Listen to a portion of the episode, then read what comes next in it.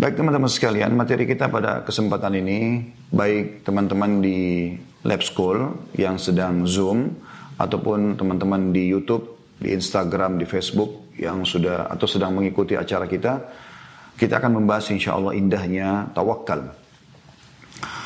Banyak sekali di antara kaum muslimin yang luput dari mereka satu perangkat yang luar biasa ajaib ini. Dan luar biasa mudah dan luar biasa efeknya. Karena tidak membutuhkan energi yang besar, tapi efeknya sangat besar. Tawakal ini teman-teman sekalian, bagian daripada solusi terbaik bagi setiap muslim dalam menghadapi seluruh permasalahan dia. Tugas dia hanya berikhtiar, berusaha semampunya, selebihnya bertawakal. Baik, mungkin muncul pertanyaan. Ustadz, apa itu tawakal? Kalau kita kasih definisi sederhananya, berserah diri setelah berupaya. Garis bawahi tolong kalimat setelah berupaya. Berserah diri kepada Allah setelah berupaya. Namun supaya lebih tepat, kita coba mendengar bagaimana pendapat ulama tentang masalah definisi tawakal itu sendiri. Yang pertama teman-teman sekalian, Ibnu Abbas radhiyallahu anhu sahabat Nabi yang mulia, dia dan ayahnya sahabat dan sepupu Nabi sallallahu alaihi wasallam pernah mengatakan bahwa tawakal bermakna percaya sepenuhnya kepada Allah taala. Jadi ini walaupun ringkas tapi sebenarnya banyak luas sekali maknanya. Artinya baik buruk yang sedang menimpa dia adalah Allah subhanahu wa ta'ala takdirkan. Hanya saja kalau baik berarti Allah inginkan kebaikan buat dia. Kalau buruk berarti memang Allah subhanahu wa ta'ala sedang memberikan peringatan kepada dia. Misal dia sakit ya. Uh, dia terjadilah hal, hal yang tidak diinginkan. Berarti memang ada yang harus dijadikan sebagai bahan muhasabah nih. Semacam seperti sebuah teguran kepada dia. Juga teman-teman sekalian, Imam Ahmad rahimahullah pernah mengatakan tawakal itu berarti memutuskan pencarian serta keputusasaan terhadap makhluk. Artinya dia betul-betul semuanya digantungkan kepada Allah Subhanahu wa taala dan dia tidak bergantung pada makhluk. Kemudian juga disebutkan Hasan Basri rahimahullah pernah berkata waktu ditanya tentang tawakal, beliau mengatakan ridho kepada Allah Ta'ala. Apa pun itu keputusannya Allah, dia ridho. Karena bisa saja buruk di mata kita ternyata baik di sisi Allah Subhanahu wa taala. Dan Allah lebih tahu mana yang baik buat kita. Mana maslahat buat kita. Nabi Muhammad SAW menggambarkan tentang masalah ini dalam sabda beliau, Sesungguhnya Allah Tuhan kalian lebih sayang kepada kalian daripada ibu kalian kepada kalian. Beliau pernah melihat ada seorang ibu yang kehilangan anaknya di satu peperangan. Kemudian pada saat ibu itu menemui anak, menemukan anaknya, dia pun memeluk anaknya dan luar biasa saking gembiranya karena anaknya kembali kepada dia. Lalu Nabi SAW mengatakan, kalau seandainya kita sekarang menyalakan api, Kemudian kita minta ibu itu melemparkan anaknya ke dalam api. Apakah dia ingin melemparkan anaknya ke dalam api? Kata para sahabat tentu tidak ya Rasulullah. Kata Nabi SAW, sungguhnya Allah lebih sayang kepada kalian daripada ibu itu kepada anaknya. Orang sampai berbuat dosa sekian lama pun, sekian puluh tahun dia buat dosa, di akhir hidupnya dia bertobat, Allah maafkan. Bahkan pernah ada sahabat meninggal saudaraku seinan setelah dia ucapkan syahadat di perang Khaybar. Dia terkagum-kagum melihat umat Islam dengan luar biasa dalam peperangan sabarnya, bagaimana mereka membaca Al-Quran, mereka bertawun, bekerja sama dengan baik satu sama yang lain, patuhnya pada instruksi Nabi SAW. Lalu dia datang tanya, kalian ini agama apa? Kata para sahabat kami muslim diceritakanlah tentang Islam itu sendiri. Setelah diceritakan panjang lebar, dia tertarik, dia mau masuk Islam. Lalu kata para sahabat, di depan sana ada utusan Allah, ada Rasulullah SAW. Silakan temui dan syahadat saja. Maka dia pun pergi dan mengucapkan syahadat di hadapan Nabi SAW. Betul waktu itu Nabi SAW lagi membagi-bagi harta rampasan perang.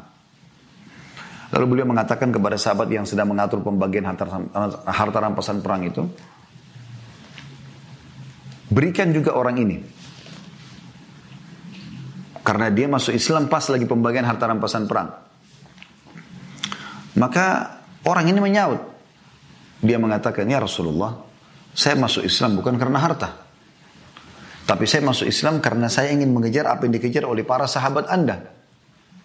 Saya dengar mereka keluar dari Madinah ini untuk mengejar mati syahid dan masuk surga. Saya berharap ya Rasulullah dari benteng-benteng Yahudi ini terlepas anak panah, kena dada saya sebelah sini, tembus di sini. Lalu saya mati syahid. Orang ini baru syahadat ya. Luar biasa Allah tanamkan iman dalam hatinya. Kata Nabi SAW sederhana. Allah akan berikan kau kalau kau jujur. Kalau kau benar Allah akan kasih kamu itu. Subhanallah, berapa saat kemudian berkecamuk peperangan, takbir di sana sini, orang Yahudi mulai melemparkan anak-anak panah mereka dari dalam benteng. Orang yang pertama kena anak panah Yahudi dan mati syahid adalah orang yang tadi syahadat itu. Setelah selesai penyerangan Yahudi, sudah mulai tenang, ya anak panah nggak dilemparin lagi, Nabi SAW kumpulan pada korban, lihat orang ini yang korban. Lalu kata Nabi SAW, ahua, ahua, apa orang ini dia tadi ini? Kata para sahabat, iya ya Rasulullah. Kata Nabi SAW, Maha Suci Allah yang membenarkan janjinya. Dia jujur dengan syahadatnya, dia diberikan apa yang dia inginkan oleh Allah. Padahal orang ini sekian tahun itu kafir. Lalu Nabi SAW mengatakan, ini pelajaran kita. Siapa yang ingin melihat orang yang belum pernah sujud sekalipun dari ahli surga, lihatlah orang ini. Begitu juga dengan Ibnu Rajab al-Hambali rahimahumullah semuanya mengatakan tawakal adalah bersandarnya hati dengan sebenar-benarnya kepada Allah Ta'ala dalam memperoleh maslahat dan menolak bahaya. Baik urusan dunia maupun akhirat secara keseluruhan. Dan ini saya melihat definisi ini yang termasuk lengkap ya dalam menyampaikan masalah tawakal. Ya, saya ulangi, tawakal adalah bersandarnya hati dengan sebenarnya kepada Allah Ta'ala. Apa pun itu dia senang atau dia sedih, dia sandarkan dirinya kepada Allah SWT dalam memperoleh kemaslahatan atau menolak. Jadi kalau dia sedang ada nikmat, dia tetap bersyukur, dia ini nikmat dari Allah. Dan kalau dia sedang ada cobaan, maka dia tetap menerima itu. Dan berharap Allah subhanahu wa ta'ala mengangkat permasalahan. Jadi tetap kembali kepada Allah walaupun cobaan sedang datang. Baik urusan dunia maupun akhirat. Secara keseluruhan. Itu definisi yang luar biasa gitu. Betul juga Ibnu Hajar al-Asqalani rahimahullah berkata, tawakal yaitu memalingkan pandangan dari berbagai sebab setelah sebab disiapkan. Tapi definisi tadi sebelumnya, itu yang disampaikan oleh Ibnu Rajab Hanbali, saya melihat adalah definisi yang sangat menarik teman-teman sekalian untuk kita pegangi. Ya. Baik. Ibnu Qayyim rahimahullah menjelaskan tentang masalah tawakal mengatakan tawakal adalah faktor utama yang bisa mempertahankan seseorang ketika tidak memiliki kekuatan dari serangan makhluk lainnya yang menindas serta memusuhinya. Perhatikan saya ulangi ya. Tawakal adalah faktor paling utama, sebab utama yang bisa mempertahankan seseorang, menjadi benteng bagi seseorang ketika tidak memiliki kekuatan dari serangan makhluk lain yang menindas serta memusuhinya. Jadi termasuk sekarang corona misalnya, ya. Kita tidak bisa tahu apakah kita terkena atau tidak. Dia berada di rumah kita atau di luar rumah kita. Dia harus menggunakan alat yang super canggih untuk bisa melihat keberadaannya. Kita tidak tahu pada saat kita interaksi keseharian orang ini kena atau tidak. Dan setiap hari kita tahu kemarin di bulan lalu bulan Agustus saya lihat cuplikannya bisa sampai 800 korban per hari. Ya. Di sini teman-teman benteng pertahanan terkuat adalah tawakal kepada Allah. Kita mengambil sebab-sebab pakai masker, kita cuci tangan, kita menjaga jarak, kita coba mengikuti ikhtiar, kemudian sebenarnya tawakal kepada Allah. Dengan izin Allah Anda akan terjaga. Masih kata Ibnu Qayyim, tawakal adalah sarana yang paling ampuh untuk menghadapi keadaan seperti itu. Karena ia telah menjadikan Allah sebagai pelindungnya atau yang memberinya kecukupan. Maka barang siapa yang menjadikan Allah sebagai pelindungnya serta yang memberi memberinya kecukupan, maka musuhnya itu tidak akan bisa mendatangkan bahaya padanya.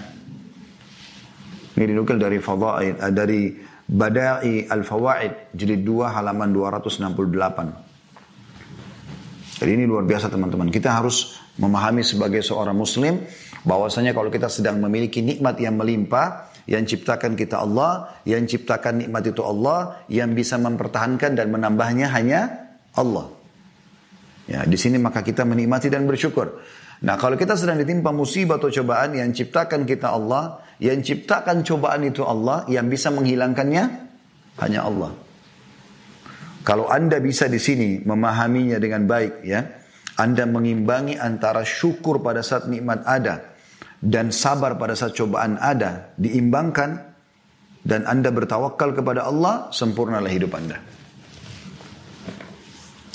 Bukti yang paling baik adalah kejadian nyata. Imam Bukhari telah mencatat dalam kitab sahih beliau bahwasanya Ibnu Abbas radhiyallahu anhu berkata bahwa ketika Nabi Ibrahim alaihissalam dilemparkan di tengah-tengah api oleh Namrud ya, maka beliau hanya mengucapkan kalimat hasbuya hasbunallah wa ni'mal wakil. Cukuplah Allah adalah menjadi penolong kami dan Allah adalah sebaik-baik pelindung. Karena itu Allah titahkan dari atas langit sana kepada api A'udzu billahi rajim ya naru kuni bardan wa salaman ala Ibrahim. Wahai api jadikan dirimu dingin dan keselamatan bagi Ibrahim. Dan Nabi Ibrahim tidak disentuh sedikit pun oleh api tersebut. Begitu juga pada saat Nabi Muhammad SAW melihat bahwasanya setelah perang Uhud terjadi kekalahan, kekalahan di kalangan para sahabat, hari Sabtu ya tahun 3 Hijriah ada 70 korban sahabat yang sisanya sekitar 630 semuanya terluka termasuk Nabi SAW. Maka pada malam itu orang semuanya pada luka, kesakitan dan hanya sedikit yang sholat berjamaah bersama Nabi SAW di masjid. Tapi selepas sholat subuh, hari ahadnya, turun wahyu memerintahkan kepada Nabi SAW agar mengejar Quraisy. Jumlah mereka dua, hampir 3.000 orang. Hmm. Yang korban sekian puluh orang saja di Uhud. Dengan perangkat perang yang luar biasa gitu. Dan perintah Allah Subhanahu wa taala kepada Nabi SAW disebutkan dalam buku-buku sirah, keluar orang-orang yang kemarin saja berperang. Bukan orang-orang baru gitu. Jadi bukan kekuatan baru, tapi yang luka-luka itu suruh keluar. Nabi SAW instruksikan, tidak ada satupun sahabat yang terluka itu yang menolak. Mereka semuanya ikut ada yang tertidur dibaringkan di atas kudanya, ada yang ditambal tambal sana sini daun atau pengobatan kena luka-luka. Kita kena silet saja jadi kita sudah sakitnya luar biasa. Bagaimana kalau sabetan pedang, ya tusukan tombak, ya e, luka e, karena panah-panah. Karena semua sahabat luka. Nabi SAW sendiri ya terluka ya di daerah kalau tidak salah pelipis beliau dan juga di daerah gigi beliau atau pipi beliau ada yang luka dan gigi beliau ada yang patah. Sallallahu Alaihi Wasallam. Tapi mereka tetap pergi dan mengejar. Orang-orang Quraisy itu mendengar itu, mereka heran. Tidak ada dalam benak orang pada saat itu ada orang kalah peperangan, luka-luka, kembali menyerang. Gak mungkin. Di alam peperangan ini gak mungkin terjadi itu. Mungkin orang kalau beberapa bulan setelah itu, berapa tahun setelah itu menyusun kekuatan lagi baru. Kan pasukan prajurit masih traumatis gitu dengan kekalahan. Apalagi luka-luka darah masih mengucur gitu. Tidak ada yang bisa menggerakkannya kecuali keimanan gitu. Maka mereka kirim informasi ke Madinah segera. Karena mereka juga belum sampai ke Mekah gitu. Tanya kepada orang munafik. Ini Muhammad ini keluar sama pasukan baru atau pasukan yang kemarin. Karena tersebar betul di Madinah tidak boleh ada yang ikut orang yang tidak ikut kemarin di Uhud. Maka orang munafik bilang itu pasukan kemarin yang luka-luka Dan kami saksikan mereka di atas kuda dalam kondisi luka-luka. Maka Quraisy gentar. Mereka mengatakan satu sama yang lain, tidak mungkin pasukan kalah kembali mau menyerang dalam kondisi dalam kecuali mereka sudah punya dan dendam yang luar biasa. Kita pasti akan kalah nih. Maka mereka mengutus orang-orang yang punya suara lantang teriak-teriak sambil mengatakan, wahai Quraisy, wahai Muhammad, pulanglah, wahai muslimin, pulanglah. Karena Quraisy pasukannya besar, akan menyerang kalian, akan menghancurkan kalian. Menakut-nakuti sahabat bersama Nabi SAW. Maka apa jawaban Nabi SAW dengan para sahabat? Kalimat tadi. Hasbunallah wa ni'mal wakil. Maka Nabi SAW sendiri mengatakan kepada para sahabat, ya cukuplah Allah sebagai penolong kami dan dia sebaik-baik pelindung atau penolong. Kata Imam Bukhari perkataan ini pun yang diucapkan oleh Nabi SAW ketika dikatakan kepada beliau sungguhnya orang-orang musyrik telah berencana untuk memerangimu maka waspadalah engkau terhadap mereka.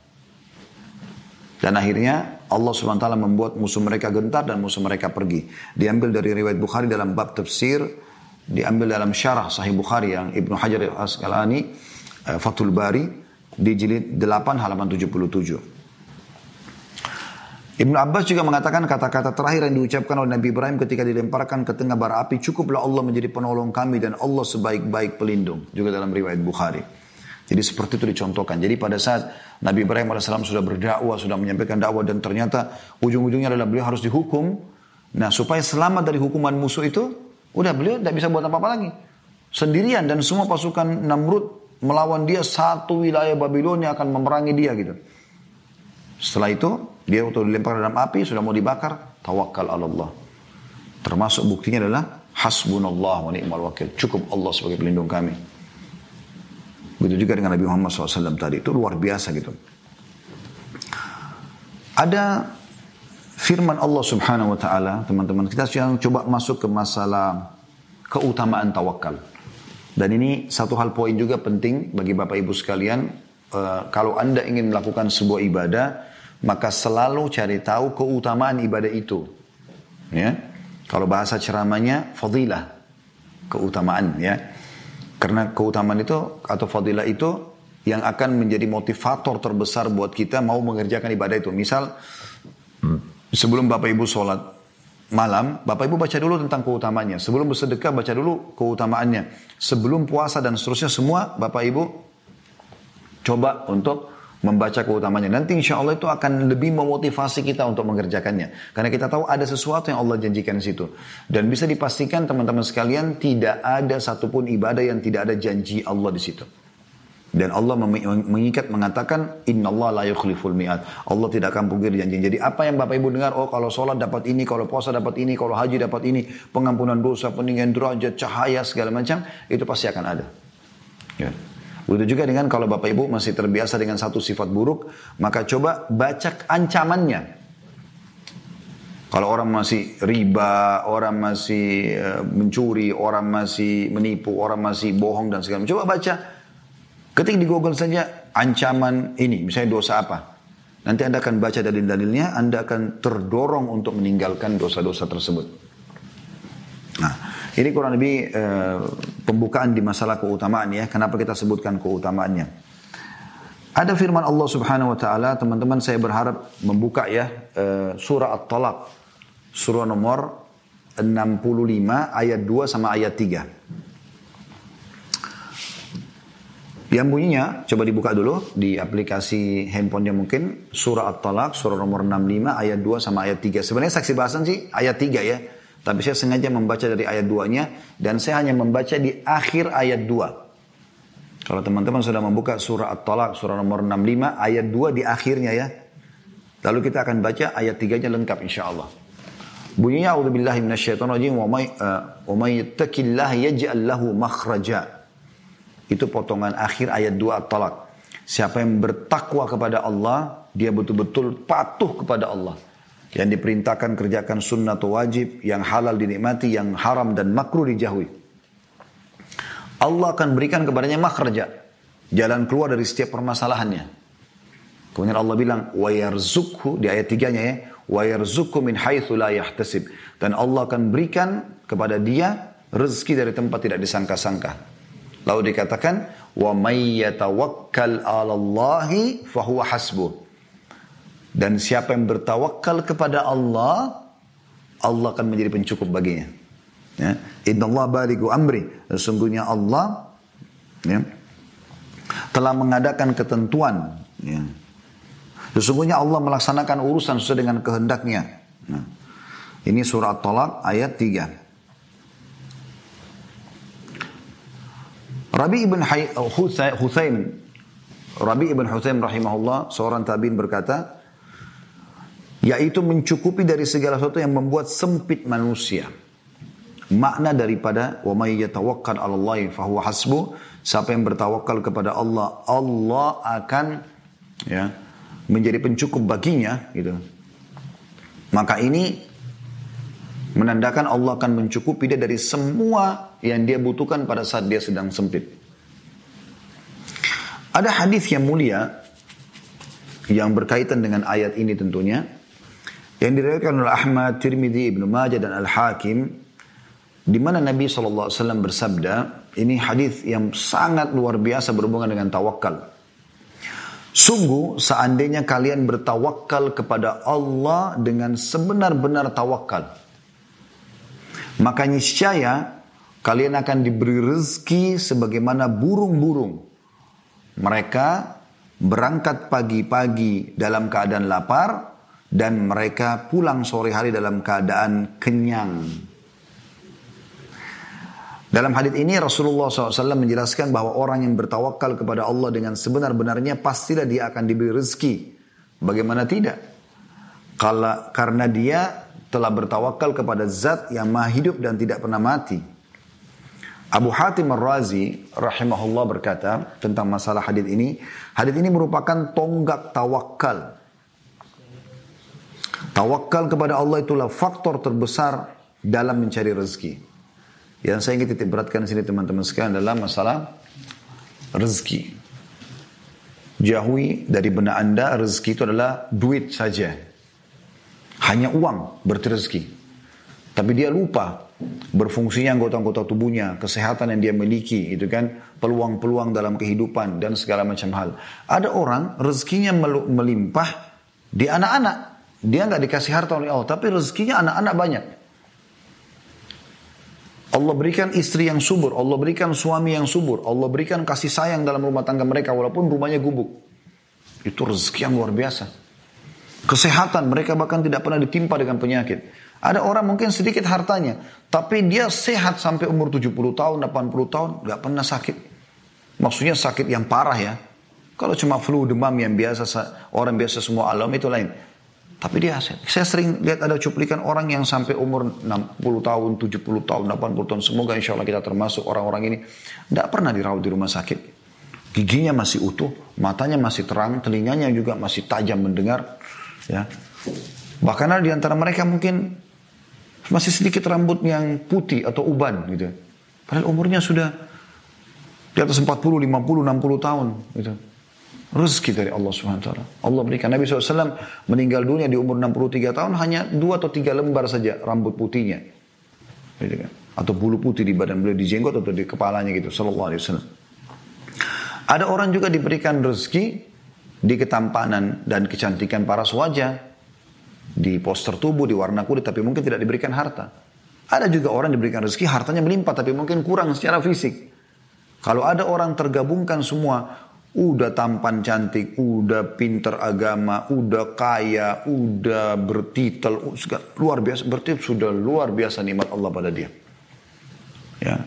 Jadi di sini makna daripada hadis tadi ini penting sekali. Kalau seandainya kalian bertawakal kepada Allah sebenar-benar tawakal, setelah ikhtiar, setelah berusaha kalian serahkan semua kepada Allah benar-benar, maka niscaya kalian akan diberikan rezeki sebagaimana burung-burung yang keluar pada pagi hari dalam kondisi lapar dan mereka kembali sore hari kenyang. Ini hadis yang sangat mulia. Ada poin penting yang kita ingin titip beratkan teman-teman sekalian. Kalau ada orang yang, maaf saya bahasakan ini konyol, dia mengatakan, kalau memang tawakal kepada Allah itu bisa mendatangkan rezeki, ya sudah kita nggak usah berusaha.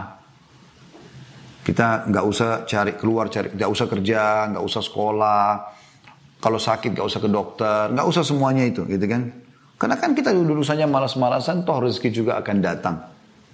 Ini teman-teman perkataan yang luar biasa menunjukkan kebodohan dan ketidakfahaman terhadap ilmu agama. Karena dalam hadis tadi yang kita sebutkan itu, dan hadis sahih bagaimana Nabi SAW memberikan perumpamaan burung ya, yang mereka keluar di pagi hari.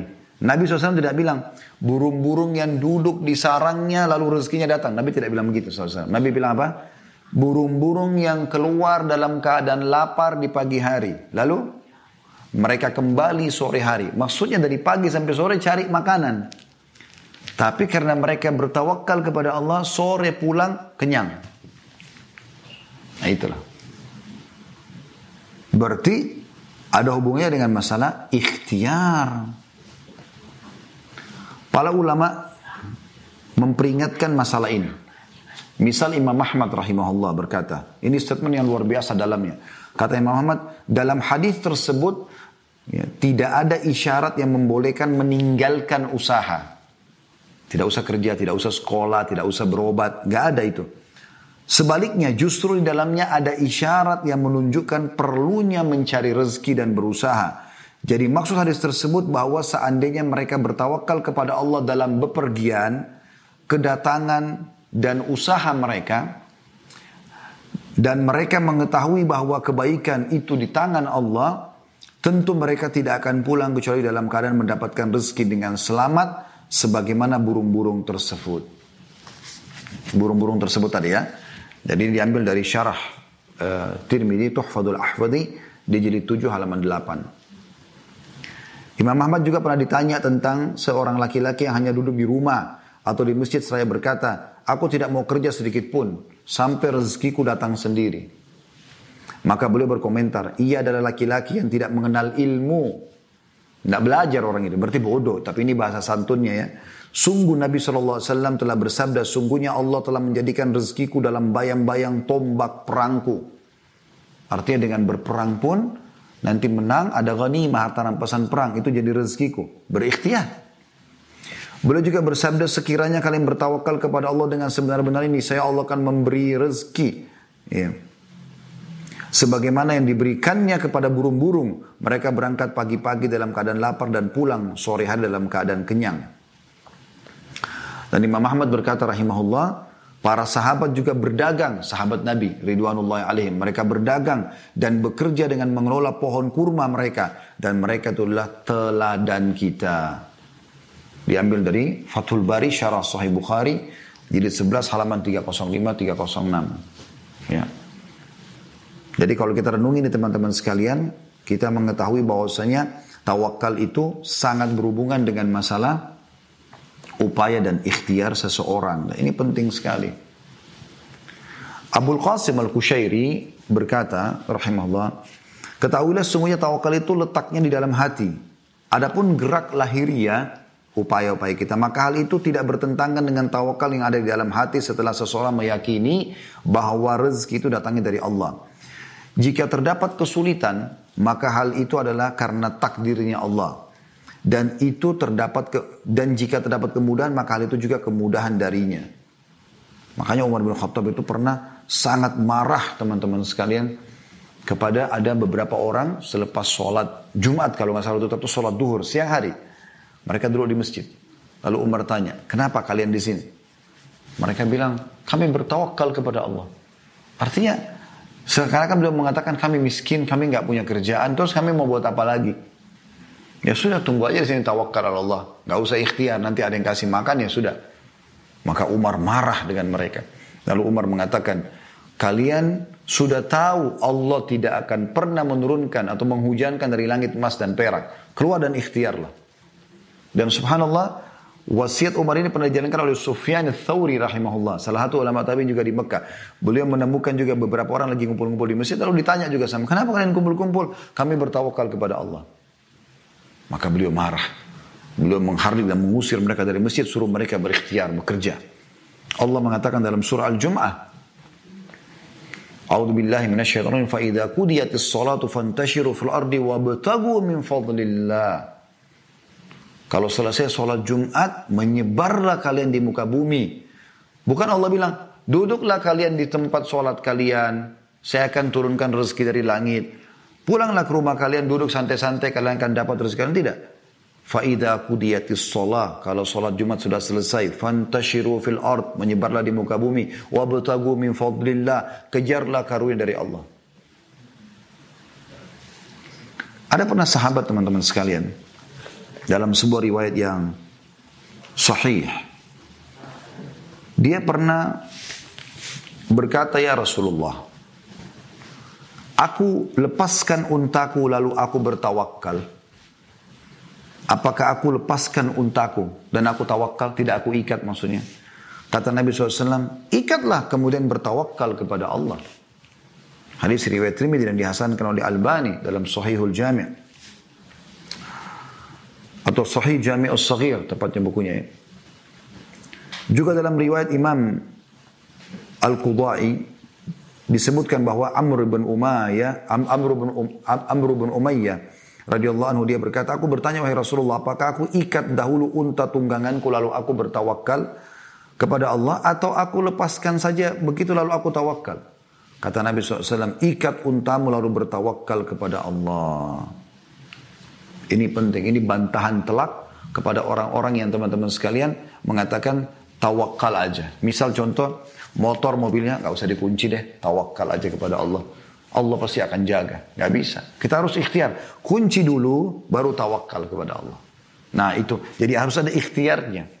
Berobat dulu, baru tawakal kepada Allah. Melamar dulu kerjaan, baru tawakal kepada Allah. Melamar mau menikah, baru tawakal kepada Allah. Begitu. Belajar dulu kuliah segala macam, baru tawakal kepada Allah. Seperti itu.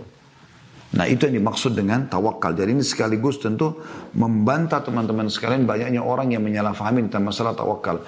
Dia betul-betul akan menjadi solusi buat kita sebagai surah At-Talaq tadi. Bahwasanya Allah akan jadi pencukup baginya. Dia juga sebagai menjelaskan dalam hadis-hadis yang sahih tadi. Kalau memang kita akan diberikan rezeki oleh Allah SWT akan dikeluarkan dari kesempitan kita. Justru yang tawakal Allah kalau kita betul-betul sudah ikhtiar dan itu ikhtiarnya pun harus yang benar ya. Jadi bukan kedukun, bukan mencuri baru tawakal, tidak. Betul-betul perbuatan yang Allah ridhoi, lalu kita tawakal, maka selesai urusan kita.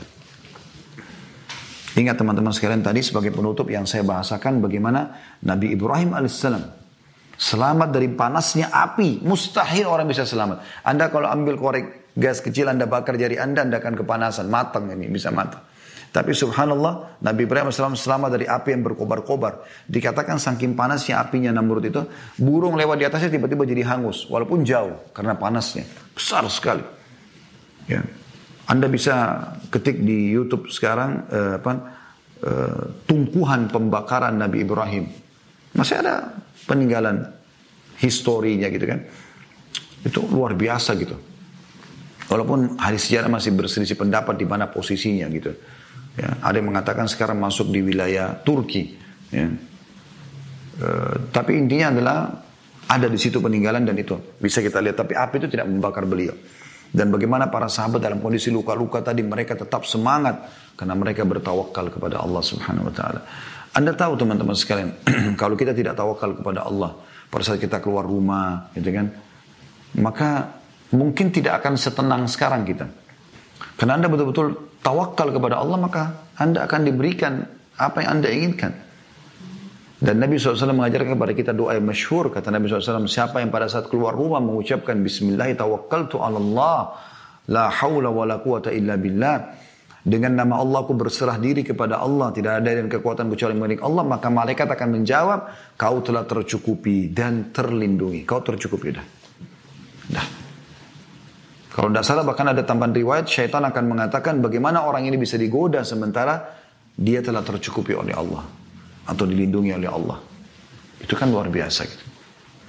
Oleh karena itu teman-teman sekalian, perbanyaklah perdalamlah agama ini, fahami sesuai dengan pemahaman yang benar Al-Quran dan Sunnah, dan Anda terapkan dalam kehidupan Anda, poin demi poin, insya Allah kehidupan Anda akan tertata dengan rapi ke depannya.